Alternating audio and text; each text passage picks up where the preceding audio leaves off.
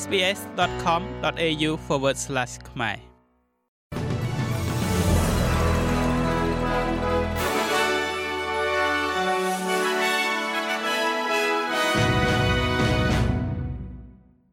សូមស្វាគមន៍មកកាន់នេតិព័ត៌មានខ្លីៗរបស់ SBS ខ្មែរសម្រាប់ថ្ងៃច័ន្ទទី14ខែសីហា ឆ្នាំ2023 របាយការណ៍ថ្មីមួយបង្ហាញថាបុគ្គលិកកម្មករចាំបាច់សំខាន់សំខាន់កំពុងតែត្រូវបង់ថ្លៃជួល រហូតដល់ទៅ70%នៃប្រាក់ចំណូលរបស់ពួកគេ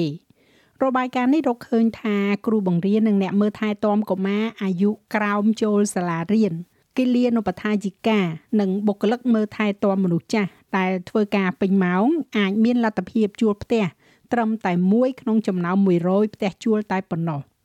នាយកប្រតិបត្តិ Anglicare Australia លោកស្រី Cassie Chambers មានប្រសាសន៍ថា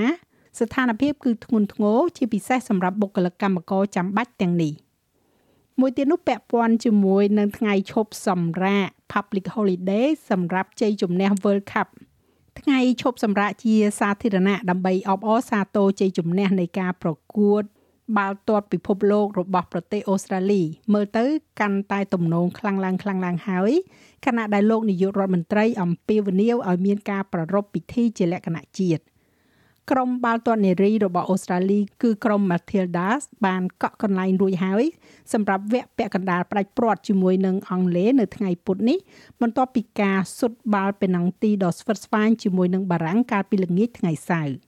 ប្រសិនបើក្រុមម្ចាស់ផ្ទះនេះឈានដល់វគ្គផ្ដាច់ព្រាត់ហើយឈ្នះការប្រកួតនោះលោកនាយករដ្ឋមន្ត្រី Anthony Albanese បានលើកឡើងអំពីលទ្ធភាព ដែលបុគ្គលិកកម្មករនៅក្នុងប្រទេសអូស្ត្រាលីរីករាយជាមួយនឹងការឈប់សម្រាកមួយថ្ងៃដើម្បីជាការទទួលស្គាល់ទៅលើជ័យជំនះនេះលោកបានច្រានចោលនៅការព្រួយបារម្ភអំពីផលប៉ះពាល់ដែលថ្ងៃឈប់សម្រាកសាធារណៈអាចកើតមាន ជាពិសេសគឺទៅលើអាជីវកម្មខ្នាតតូចនិងការកក់កន្លែងបដិសណ្ឋារកិច្ច បន្តមកនេះគឺពាក់ព័ន្ធជាមួយនឹងស្ថានភាពរបស់លោក Julian Assange ឯកអគ្គរដ្ឋទូតសហរដ្ឋអាមេរិកប្រចាំប្រទេសអូស្ត្រាលីគឺលោកស្រី Caroline Kennedy មានប្រសាសន៍ថាអាចមានដំណោះស្រាយចំពោះការបន្តឃុំខ្លួនលោក Julian Assange ដែលកំពុងតែប្រយុទ្ធប្រឆាំងទៅនឹងការធ្វើបច្ចាប័នទៅសហរដ្ឋអាមេរិក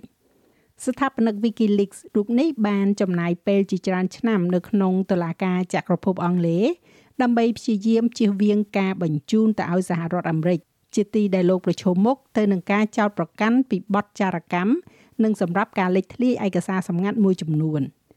លោកស្រីឯកអគ្គរដ្ឋទូត Kennedy បានជួបជាមួយនឹងអ្នកគាំទ្ររបស់លោកអាសាញកាលពីខែមិថុនាហើយបានប្រាប់កាសែត Sydney Morning Herald ថាអាចមានកិច្ចព្រមព្រៀងមួយដែលអាចឲ្យលោកអាសាញវិលត្រឡប់មកអូស្ត្រាលីវិញ ព័ត៌មានចុងក្រោយគេនេះស្ដីអំពីការចូលសញ្ជាតិអូស្ត្រាលីតួលេខថ្មីបង្ហាញថាប្រជាជននូវែលសេឡង់រាប់ពាន់នាក់បានដាក់ពាក្យសុំចូលសញ្ជាតិអូស្ត្រាលីក្នុងពេលតែប៉ុន្មានសប្តាហ៍ប៉ុណ្ណោះបន្ទាប់ពីផ្លូវថ្មីឆ្ពោះទៅកាន់ភាពជាពលរដ្ឋនេះត្រូវបានបើកពលរដ្ឋនូវែលសេឡង់ជាង15000នាក់បានចាប់ផ្ដើមដំណើរការចូលសញ្ជាតិអូស្ត្រាលីចាប់តាំងពីការផ្លាស់ប្ដូរនេះចូលជាធរមាននៅដើមខែកក្កដានៅក្រោមការផ្លាស់ប្ដូរនេះ ប្រជាជននូវែលសេឡង់ដែលបានរស់នៅក្នុងប្រទេសអូស្ត្រាលីយ៉ាងហោចណាស់4ឆ្នាំលើទឹកធការប្រភេទពិសេសអាចដាក់ពាក្យសុំចូលសញ្ជាតិបាន